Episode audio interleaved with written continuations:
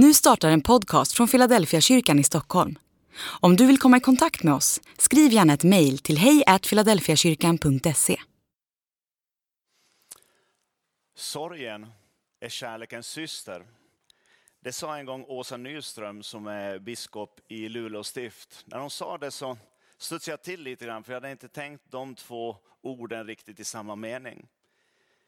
Men kärleken och sorgen hänger faktiskt ihop. Det är faktiskt bara den som verkligen har älskat som kan känna genuin sorg och som känner genuin sorg. Sorgen kommer när det man älskar inte längre finns kvar. Då lever faktiskt kärleken vidare i sorgen. Den här helgen tänker vi speciellt på de som inte längre är hos oss, inte längre är kvar mitt ibland oss. Vi märker att livet är förgängligt och ingenting verkar vara för evigt, åtminstone inte här. Jag tror faktiskt att det är ganska viktigt för oss att låta oss sörja. Inte kanske bara när någon har dött, utan också när vi upplever andra motgångar. Svaret är inte bara att rusa iväg som ingenting hade hänt. Det funkar nämligen ganska dåligt i längden att försöka fly från sig själv. Gud, han finns i nuet, inte i flykten. Augustinus, han uttrycker sig så här redan på 300-talet om sitt eget liv. Han säger, Herre, du var i mitt liv, men jag var utanför. Och så kan det bli när, när livet blir en flykt och vi aldrig tillåter oss att verkligen stanna av.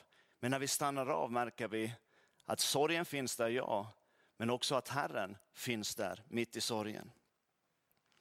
Därför kan en helg som vi är mitt uppe i nu, den kan vara ganska viktig för oss. Att våga stanna av och tänka till. Inte bara när vi själv sörjer utan också kanske att våga gå nära någon annan som sörjer kan kännas lite grann besvärligt eller till och med kanske det obehagligt för oss. Men egentligen behöver det inte vara det. Åsa, Åsa Nyström, hon ger också oss några goda råd här hur man kan vara en bra människa vid sidan om någon som sörjer. Hon säger så här. Håll i, häll i, håll ut och håll tyst. Att vara nära den som sörjer är viktigt. Att kanske äta tillsammans. Att lägga en arm om, om det känns okej. Okay. Att helt enkelt bara finnas där. Sorgen tar nämligen tid. Och att inte ge upp, utan att vara där och finnas där nära länge är viktigt. För det är faktiskt, som man kanske har hört många ha sagt, men det är faktiskt så att det är inte orden som är det viktigaste utan närvaron. Men också den här allhelgonahelgen så kommer det kristna hoppet speciellt starkt fram. Tron på att Gud faktiskt är större än döden. Att döden inte är slutet och att graven inte är målet för vårt liv utan att döden faktiskt på ett sätt öppnar porten till en ännu närmare relation med Gud. Med han som har skapat och han som älskar oss. Men att säga någonting annat än att döden är vår fiende, det vore också att ljuga tror jag. Därför inger ofta tankar om döden många rädslor hos oss. Kanske är det därför vi skjuter den också ifrån oss, både som personer och i vårt samhälle så är döden ganska undanskuffad. Döden är skrämmande därför att den är verkligen någonting som vi, inte vi kan kontrollera. Därför blir den svår att ta tag i och vi har också svårt ibland att tala om den och, svårt, eh, och har lite svårt att förhålla oss till den. Vi vill ju gärna kontrollera. Vi vill kontrollera våra omständigheter och livet som vi lever. Men samtidigt inser vi att det är väldigt svårt. För det är så många saker som är utanför vår kontroll. Men i Jeremia, det 29 kapitlet och den elfte versen, så säger Gud så här. Jag vet vilka tankar jag har för er. nämligen fridens tankar och inte ofärdens, för att ge er en framtid och ett hopp. Gud har en plan. Och hans plan handlar faktiskt om att återupprätta allt. Vi läser om när människan eh, på Bibelns första blad hade gått bort från sin skapare. Då planerar Gud redan Betlehem. Att få en återupprättad gemenskap med sin, med sin skapelse. När lärjungarna sen långt, långt senare eh, står på Oljeberget utanför Jerusalem och oroligt eh, tittar upp i luften efter Jesus som försvann, som försvann från dem. Då kan änglarna komma och meddela att planen, den är redan klar. Så här står det i Apostlagärningarnas första kapitel och tionde vers. Medan de såg mot himlen dit han for upp, se då stod två män i vita kläder hos dem och sa, ni män från Galileen, varför står ni och ser mot himlen? Den är Jesus eh, som har blivit upptagen från er till himlen. Han ska komma igen på samma sätt som ni har sett honom fara upp till himlen. När vi står inför det som vi själva inte har kontroll över talar Bibeln om en Gud som har allt under kontroll. En kontroll som sträcker sig till och med bortom döden och graven. Evangelium handlar inte bara om här och nu. Det gör det också, absolut. Men det sträcker sig och håller längre än så.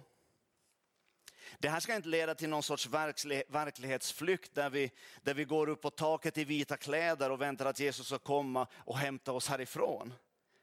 Nej, jag tror istället att det ska ge oss kraft och mod när verklighetens vind blåser rakt i ansiktet på oss. Ja, till och med när döden och livets slut gör sig påmind.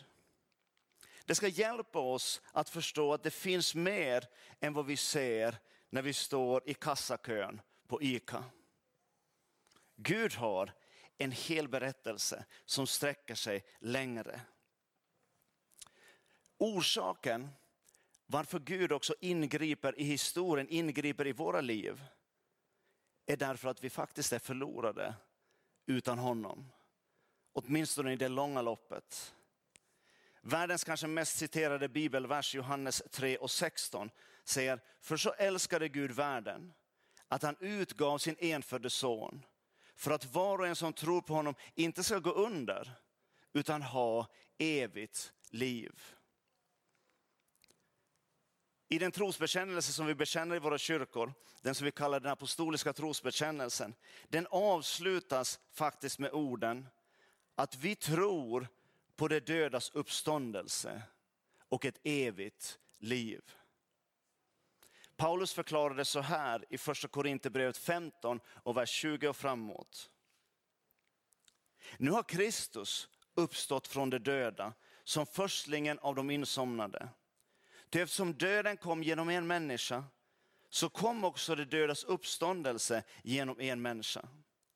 Liksom i Adam alla dör, så ska också i Kristus alla göras levande. Med var och en i sin ordning, Kristus som förstlingen och sen vid hans ankomst de som tillhör honom. Därefter kommer slutet, då han överlämnar riket åt Gud. Sedan han har gjort slut på varje välde och varje makt och kraft. Och så står det så här, för han måste regera tills han har lagt alla fiender under sina fötter. Och som den sista fienden berövas också döden all sin makt. För allt har han lagt under hans fötter. Jag tycker det är ett fantastiskt bibelställe att bara citera en dag som den här, när, när sorgen och saknaden kanske på ett speciellt sätt för många människor gör sig påmind. Uh, på 1500-talet, man skulle kunna kalla det här som jag ska citera 1500-talets konfa-undervisning. Den är från 1500-talet så den låter lite annan än, eh, annorlunda ordval än konfundervisningen kanske låter nu. Det finns en katekes som heter Heidelbergs katekes.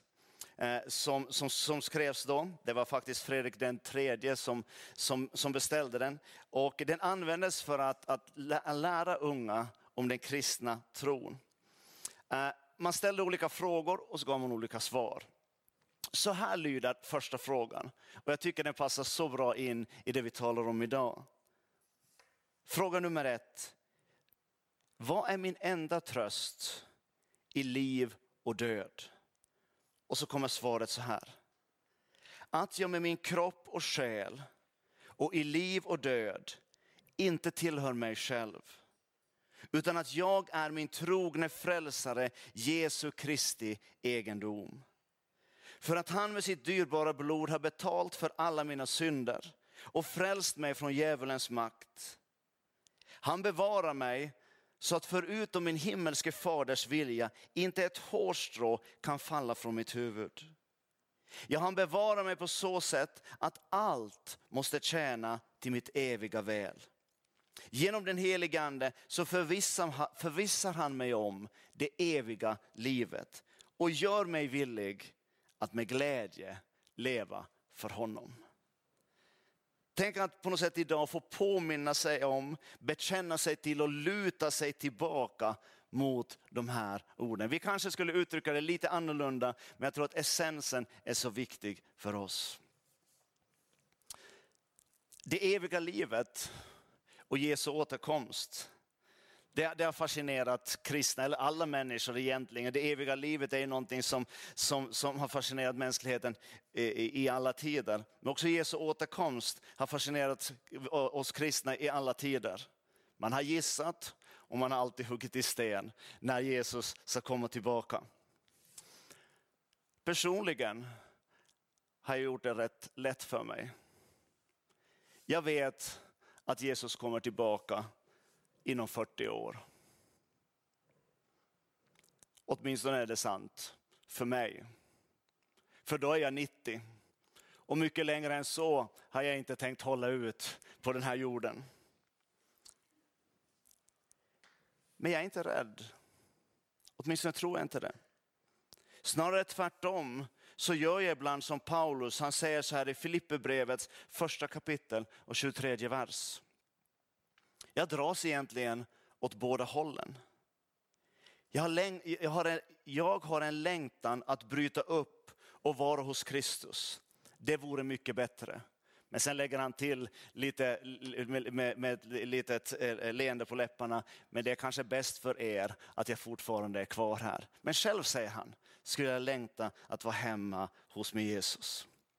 Jag älskar livet här. Absolut, jag har ingen dödslängtan överhuvudtaget. Men samtidigt, om jag är ärlig, så måste jag medge att livet, både nu och då, gör ganska ont. Tillvaron är kantad av det som präglar hela vår mänsklighet. Sorgen, smärtan, saknaden, ja också ondskan och misslyckanden.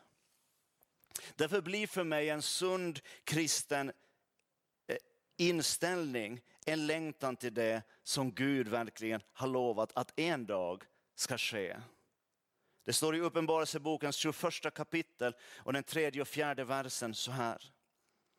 Och från tronen hörde jag en stark röst som sa, se Guds tält står nu bland människorna och han ska bo ibland dem och det ska vara hans folk och Gud själv ska vara hos dem och han ska torka alla tårar från deras ögon. Döden ska inte finnas mer och ingen sorg och ingen klagan och ingen smärta ska finnas mer. För det som en gång var, det är nu borta. Bibeln ger ett klart löfte om att ondskan en dag ska ta slut. Det betyder inte att vi ska sitta passiva och vänta på den dagen. Men vi vet att där vi inte alltid lyckas, där kommer han en dag att fullständigt lyckas. Ja, Johannes går så långt att han säger att inte ens döden ska finnas mer. Det här är det kristna hoppet. Den kristna tron ger en fantastisk grund att stå på och leva på idag. Men det kristna hoppet det håller till och med genom både döden och graven. Du och jag, vi är inte skapade för att med distans nu för tiden då stå i kassakön på ICA enbart. Vi är skapade för att leva i evighet. Och inte var som helst, eller hur som helst, utan i gemenskap med våran frälsare och Herre Jesus Kristus. Ska vi be tillsammans? Jesus, vi tackar dig för att du har sagt att du ska aldrig lämna oss och du ska aldrig överge oss. Och som Sten-Gunnar sa så känner vi ibland att du har gjort både och. Men vi vet att fastän vi känner det så, så har du inte gjort det. Du står fast vid ditt ord därför att du är trofast. Herre, vi ber idag för den som kämpar med sorg, saknad och smärta. Herre, vi ber för dem som känner att livet kanske är inte så långt kvar. Och Herre, så ber vi också för oss som känner att vi är mitt i livet. Herre, låt oss förstå att söka dig. Du som är den enda som håller. Du som är, du som är den enda som verkligen håller genom livets alla skiftningar och ända in och genom döden. Herre, när våra dagar en gång är slut, låt oss genom din nåd få gå in i ditt eviga rike. Det ber vi om. I Jesu namn. Amen.